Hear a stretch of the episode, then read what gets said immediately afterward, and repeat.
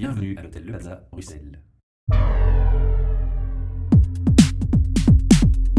Podcast. Welkom bij een nieuwe aflevering live van het Plaza Hotel hier in Brussel, waar we elke maand te gast zijn. Nu, we hebben een speciale collega uh, naast ons zitten, onze eerste vrouwelijke animatrice, maar ik ga haar zelf even laten voorstellen. Hallo, met Marjolein.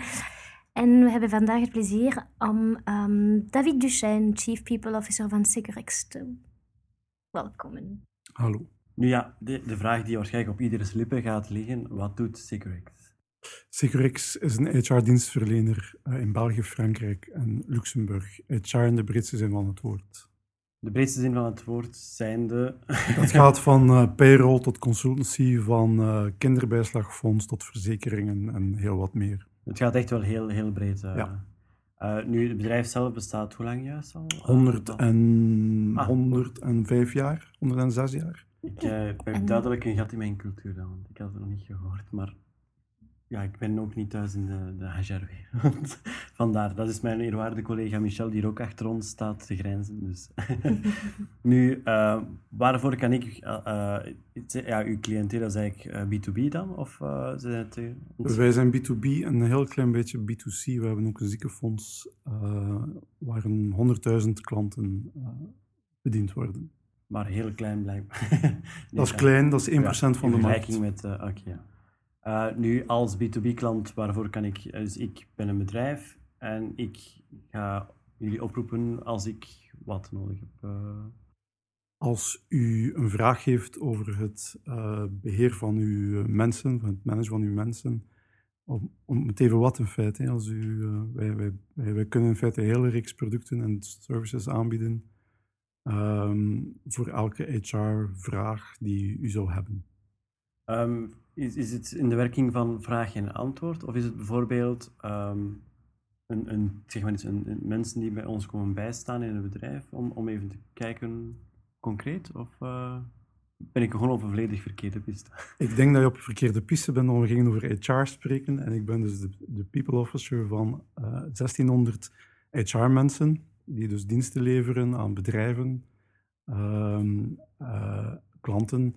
En dat is dus om het even wat. Ons voordeel is dat wij uh, plug-and-play en bundling kunnen doen. U kunt heel veel producten uh, samennemen uh, bij ons. U kunt ook alleen maar voor de payroll komen. U kunt payroll en kinderbijslagfonds en externe dienst voor preventie en consultancy en verzekering, groepsverzekering, arbeidsongevallenverzekering.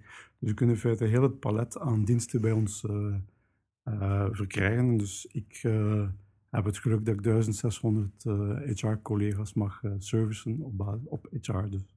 Dat was de volgende vraag. Dus uh, wat doet Securex, maar nu wat doet David Duchesne binnen Securex? Dus Chief People Officer, HR-blogger, genomineerd als HR-manager van het jaar. Voilà, David Duchesne is veel meer dan alleen maar Securex. Ik uh, ben dus Chief People Officer, dus niet HR. Um, en ik heb daar in feite een brede verantwoordelijkheid over alles wat mensen aangaat. Het gaat van het klassieke uh, mensbeleid tot uh, ook uh, infrastructuur, communicatie, preventie, change binnen Securex. Dat is de helft van mijn leven. En de andere helft van mijn job is, ik ben ook verantwoordelijk voor een business unit van 23 miljoen euro.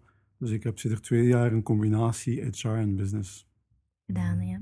En ik blijf dat doen. Dat is, okay. de, de, het mooie daaraan is dat ik eens kan checken of alles wat ik uh, predik als HR, of dat ook wel lukt als business leader. En ik kom mezelf soms tegen, maar het lukt wel vrij goed ja. om hetzelfde te doen in business als bij HR.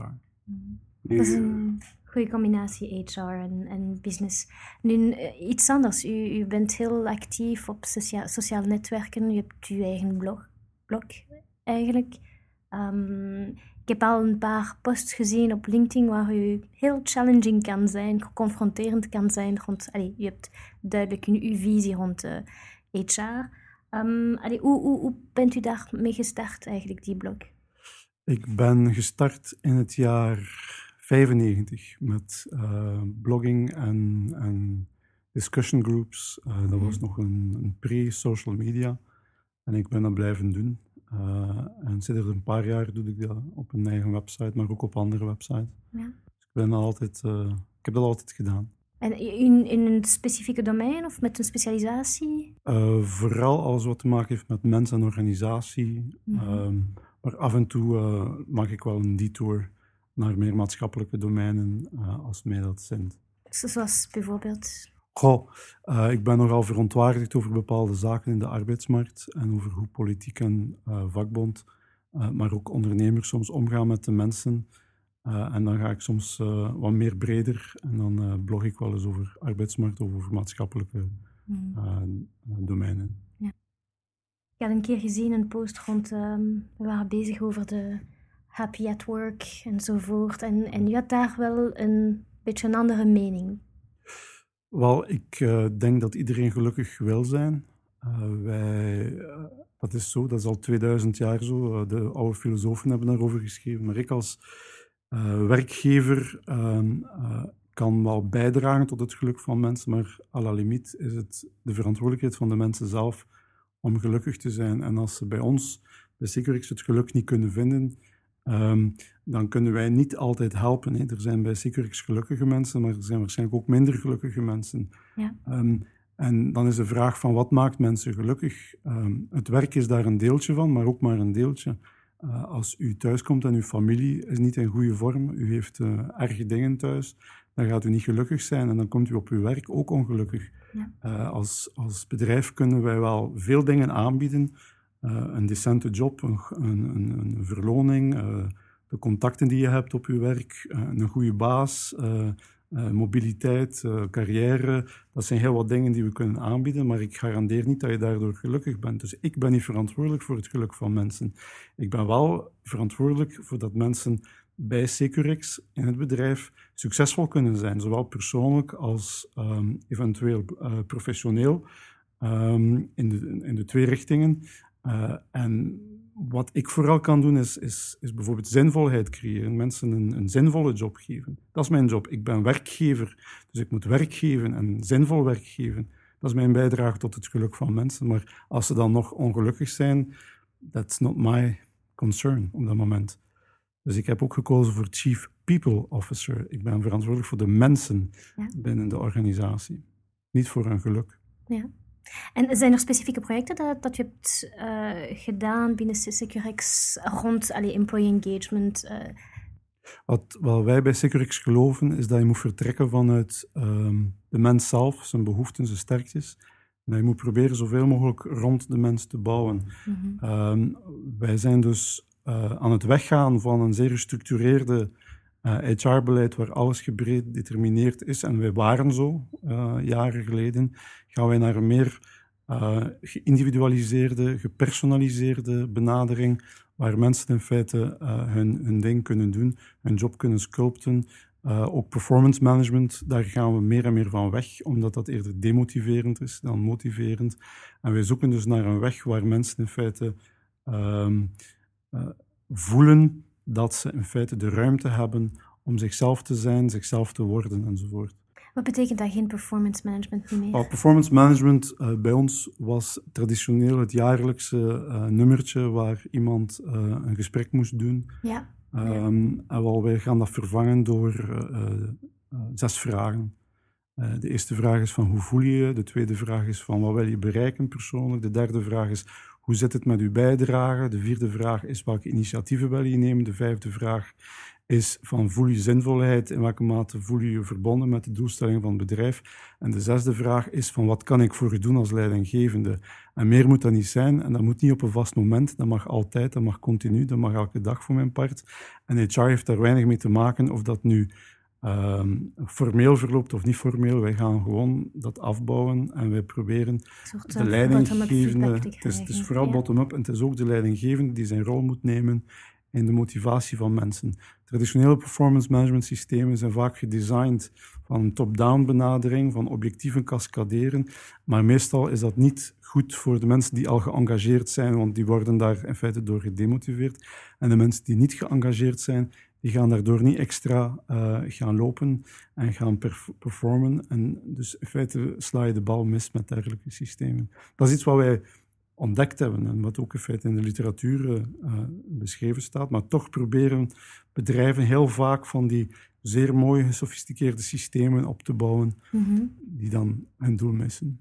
En jullie zijn met, eh, dit jaar gestart met die, die Wel, ik, eh, ik doe mijn gesprekken al zo. We doen een piloot. Ehm, eh, wij komen van een jaar of vijf geleden een heel zwaar gestructureerd systeem. We hebben nu een tussenfase gemaakt, een paar jaar geleden. En nu doen we de laatste stap eh, om dat volledig los te maken. Nu, Mhm.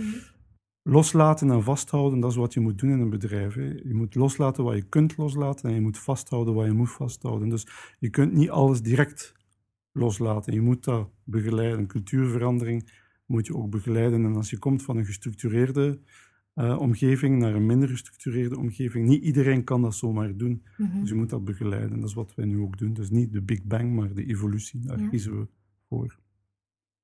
Ik weet niet, David, je vragen? Wel ja, ehm, bij ons op het werk zelf uh, beginnen we ook met, met het com uh, competentiemanagement. We zijn er pas mee gestart. Je zit al een, een groot stadium verder. Um, dus ik nu zelf met de pilootaflevering bezig bent, merk je eigenlijk al het verschil bij de werknemers zelf. Uh, omdat ja, je kan een bepaalde visie hebben langs de directiekant, laten we zeggen, maar merk je de retour aan, aan de mensen zelf? Al daarnet heeft iemand getweet op een tweet van mij die blijkbaar niet akkoord is met wat ik zeg. Dus een, een werknemer van Securix, dus dat is geen probleem. Ik zal hem morgen opbellen. uh, uh, maar het is zo wat wij zien, is dat ten eerste de vitaliteit van de mensen stijgt. Uh, vitaliteit is onze meting van engagement, maar ook van gezondheid. Uh, dat stijgt bij ons. Uh, de markt gaat naar omlaag, maar wij stijgen. En wij doen benchmarks met, met de markt. Dus dat is positief. We zien ook dat fluctuatie ferm daalt, misschien zelfs te laag is. Wij zitten aan 2,8% vrijwillig verloop. Wij komen van een paar jaar geleden van 7%. Um, dus het, het daalt. Dus heel wat indicatoren bij ons staan op groen. Um, dat we in feite bepaalde dingen zijn gaan loslaten, de top-down vermindert en de bottom-up vermeerdert enzovoort. Dus uh, het is allemaal bemoedigend. Ja, als je die, die feedback krijgt um, en, en dat je ook zegt van dat je die reactie krijgt op tweets enzovoort. Um, buiten Securix zelf heb je dan ook die, die blog, krijg je ook uiteraard interactie van, van, van neem aan uh, mensen op de field zelf, en maar ook andere HR-mensen. Uh, merk je dat aan de ideeën die eigenlijk, die blijven ook wel behoorlijk straf uh, uitgedrukt worden. Uh, dat er ook heel veel mensen op HR-wereld zeggen van nee, zo lukt het niet. Of het omgekeerde, ja, we zijn effectief uh, chapeau dat je die, die risico's bij zo'n spreken, die piloot durft aan te gaan. Want wij zijn nog jaren verwijderd van zo'n mogelijke evolutie in, binnen ons bedrijf.